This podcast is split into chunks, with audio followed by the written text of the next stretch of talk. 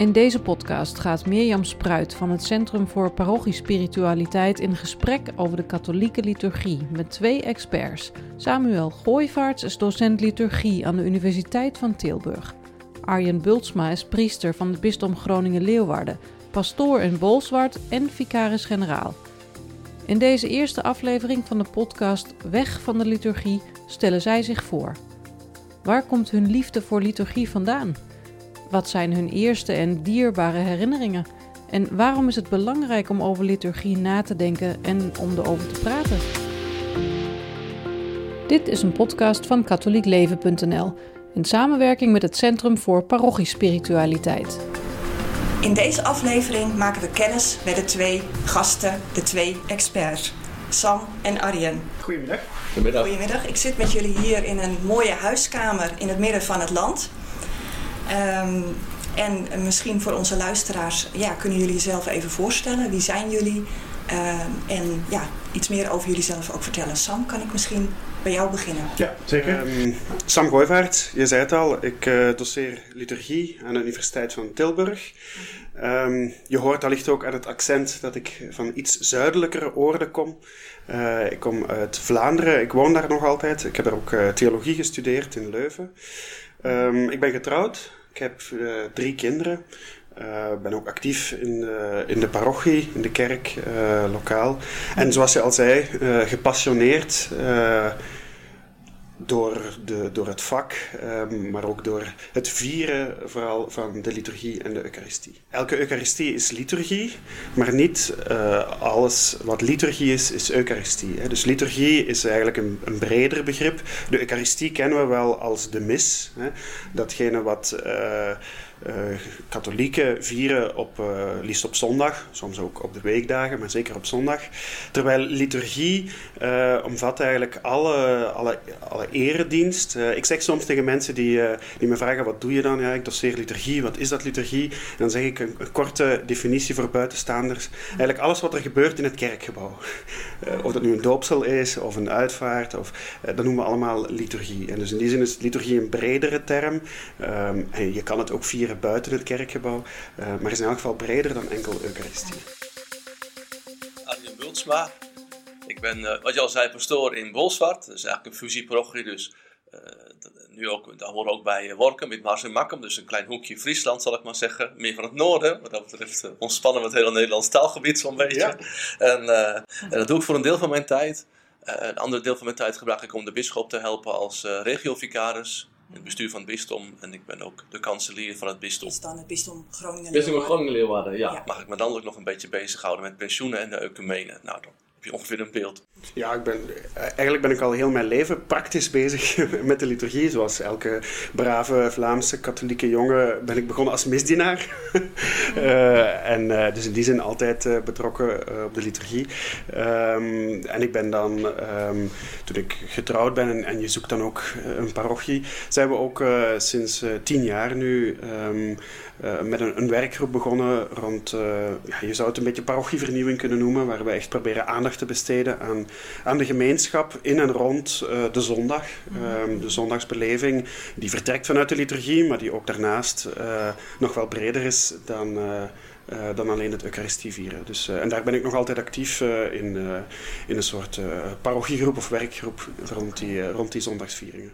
hoe is die belangstelling daar ja, begonnen zeg maar, bij jullie hiervoor? Misschien Arjen, we hebben net iets van Sam al gehoord, maar... Ja, ja natuurlijk. Ook van jongs af aan denk ik. Ik, ik zal me meteen maar verklappen dat uh, het doopvond waarboven ik gedoopt ben, stond in een gereformeerde kerk. Ja. Um, dat is toch een iets andere liturgische traditie, zal ik het maar zo zeggen. Maar mijn ouders zijn al katholiek geworden toen ik zelf een jaar of vijf was, denk ik. Ja. En uh, dus toen gewoon uh, katholiek opgevoed. Mm -hmm. En dat heeft me vanaf het begin uh, enorm gefascineerd. Dat weet ik nog wel. Mm -hmm. ik vond het heel mooi in de, in de katholieke kerk. Uh, ook in die overgangsfase, dat we als gezinnetje dan, dus de ene week in de gereformeerde kerk zaten en de andere week in de katholieke kerk. Ja. Ik was liever in de katholieke geloof ik, hoewel mijn herinneringen natuurlijk als jong nog heel spaarzaam zijn. Ja. Uh, maar daarna, na de eerste communie, uh, moest en zou ik misdienaar worden. Dat is ook gebeurd. Donderdagavond daarna was ik al voor het eerst actief. En dat is ook in feite zo gebleven tot, tot nu eigenlijk, hè, want het is ja, op een gegeven moment ben je gewijd en krijg je een andere rol in de kerk. Maar, maar heb je nog misschien vanuit je kindertijd een speciaal een moment waarin je dat, ja, kun je nog misschien een voorbeeld daarvan geven? Weet ik eigenlijk niet zo is dat gewoon heel geleidelijk gegroeid? Ja, het is gegroeid. En, uh, maar ik heb het altijd ontzettend leuk gevonden, ontzettend mooi gevonden. Ik weet wel een leuk voorbeeld, nu je de vraag stelt. Sorry dat ik je onderbreek. Uh, nu we in de advent zijn, moet ik altijd terugdenken. En toen ik als, uh, als missionaar, denk dat ik ook uh, ja, acht of negen jaar was. En er was bij ons, enkel in de advent, was er elke dag viering. Dus op de weekdagen. S morgens vroeg om half acht. En dan ging ik, wij woonden in de pastorie, dus tegenover de kerk. En dan ging ik, voor, de, voor ik naar school ging, nog eerst naar de kerk. In het donker, in deze tijd van het jaar. En dan kwam je de kerk binnen en dan hing er een adventskrans met dan één kaars en dan twee kaarsen. En als misdienaar met dan de priester de koster-organist en nog drie gelovigen elke dag mis in de advent als, als jongen van 8, 9 jaar. Dat zijn echt mijn hele vroege herinneringen aan liturgie en daar is allicht al iets van die passie of zo ontstaan. Um, ja, dus specifiek aan deze periode gebonden herinnering die ik heb aan de, ja, misschien ook wel de kracht van de liturgie, van de symboliek, van die krans en van die gemeenschap, hoe klein ze ook was, uh, om de dag te beginnen en die advent te beleven. Dus voor mij geldt dat ik eigenlijk ook al vrij jong uh, een soort van idee bij me had van ik wil priester worden. Mm -hmm. dat idee is nooit weggegaan. Dus het is, het is heus ook wel eens uh, geweest dat je dan op een gegeven moment zegt van ja, ik wil ook piloot worden of brandweerman of boer of politieagent, wat je allemaal niet kunt willen worden hè, als jongen. Maar, als jongen. Maar, maar, dat is gewoon gebleven. En, en ik denk dat dat ook de reden is, zeker ook in, in een context van een gezin wat sowieso kerk betrokken was. Maar op een gegeven moment ging mijn vader ook voor de kerk werken als koster en later mijn moeder als pastoral werkster. Dus die bleef, bleven er nauw bij, zullen we maar zeggen. Dat zal ook wel een rol hebben gespeeld. Maar voor mijzelf heeft denk ik ook gewoon dat een of andere manier heb ik toch een toekomst gezien in de kerk, ook voor mezelf. Maar die ouders zijn wel belangrijk, hè? ik zie weer al een gelijkenis daarin. uh, ook mijn ouders uh, waren alle twee betrokken bij de kerk. Ze hebben alle twee ook theologie gestudeerd. Mm -hmm. Dus in die zin, in Vlaanderen zeggen we, bij mij ging het een beetje met de paplepel. Uh, dus ouders alle twee theologie gestudeerd. mijn vader was pastoraal werker in het ziekenhuis en is nadien ook diaken gewijd. Dus als getrouwde, gehuwde man diaken zijn met zes kinderen. Ik ben de oudste van zes. Maar dus thuis was geloof zo'n normaal. Uh, mijn moeder schreef boeken over spiritualiteit, over geloof. Vader Diaken werkte in de kerk. Dus ja, op zondag na de mis hadden wij tijdens de lunch discussie over uh, die draak in de apocalyps.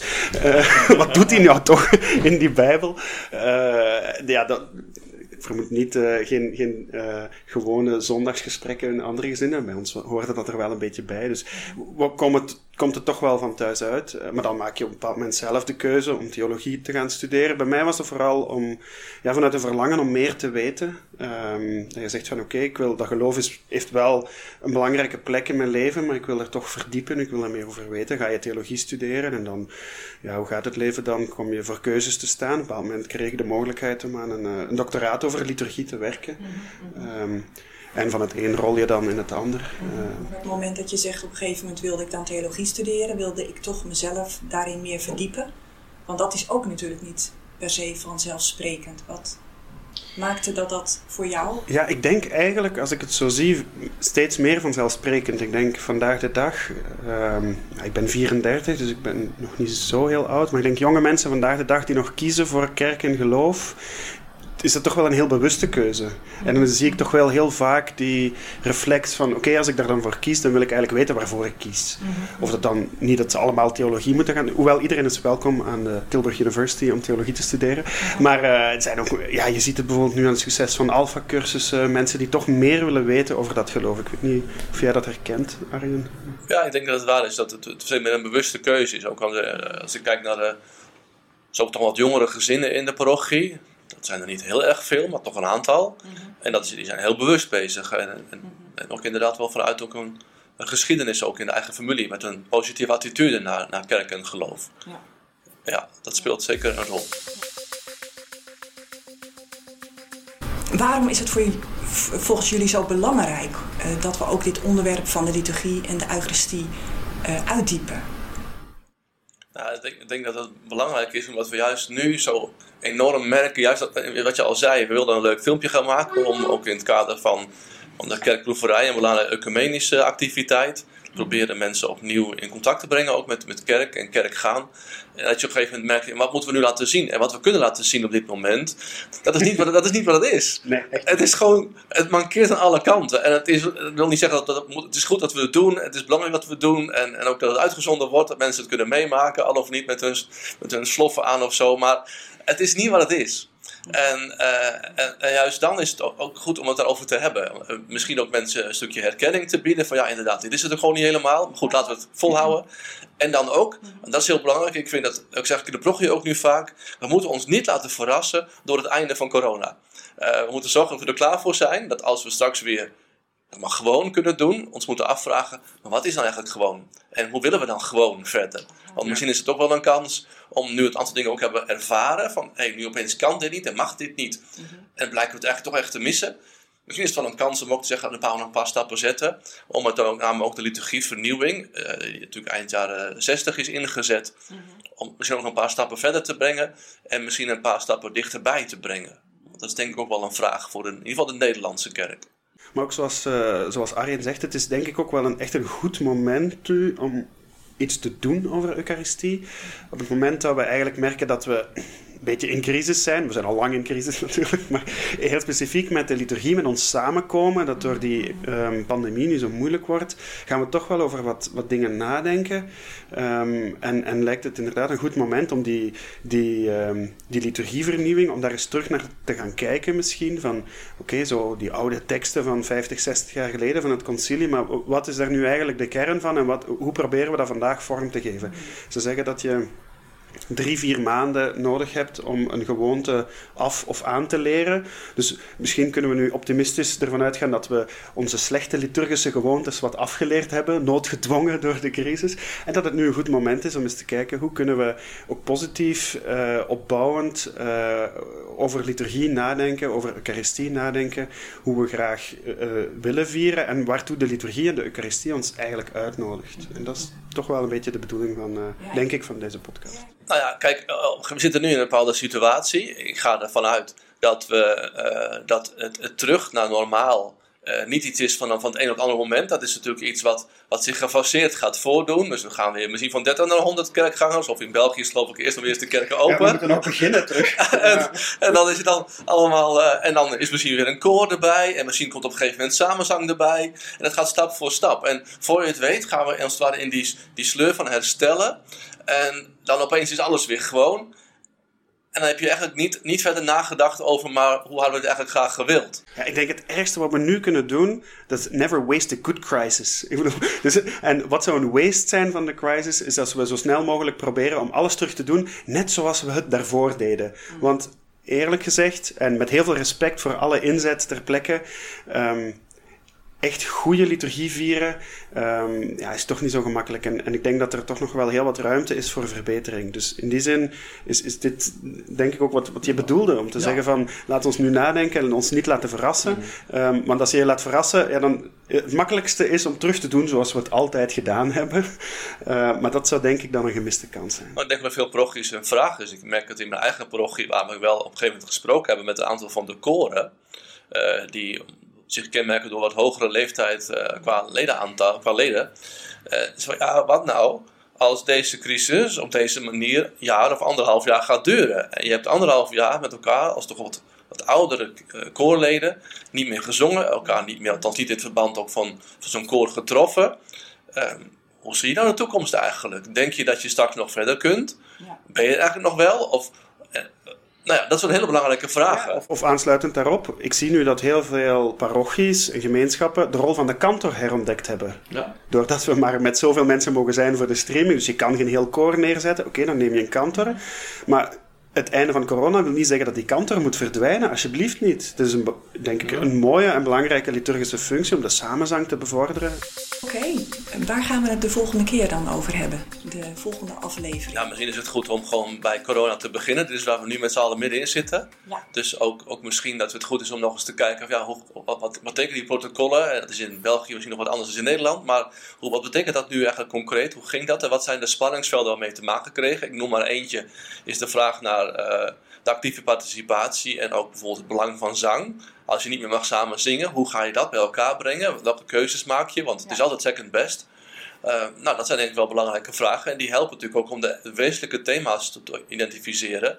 Waar we misschien daarna kunnen kijken, doorlopend door de hele Eucharistie. Ja. Waar, je, waar je misschien ook nog eens kunt kijken, waar kunnen we wat ook met beperkte middelen. Dus tijd voor deze podcastserie, dat is duidelijk. Dank jullie wel. Dit was een podcast van katholiekleven.nl in samenwerking met het Centrum voor Parochiespiritualiteit. Bedankt voor het luisteren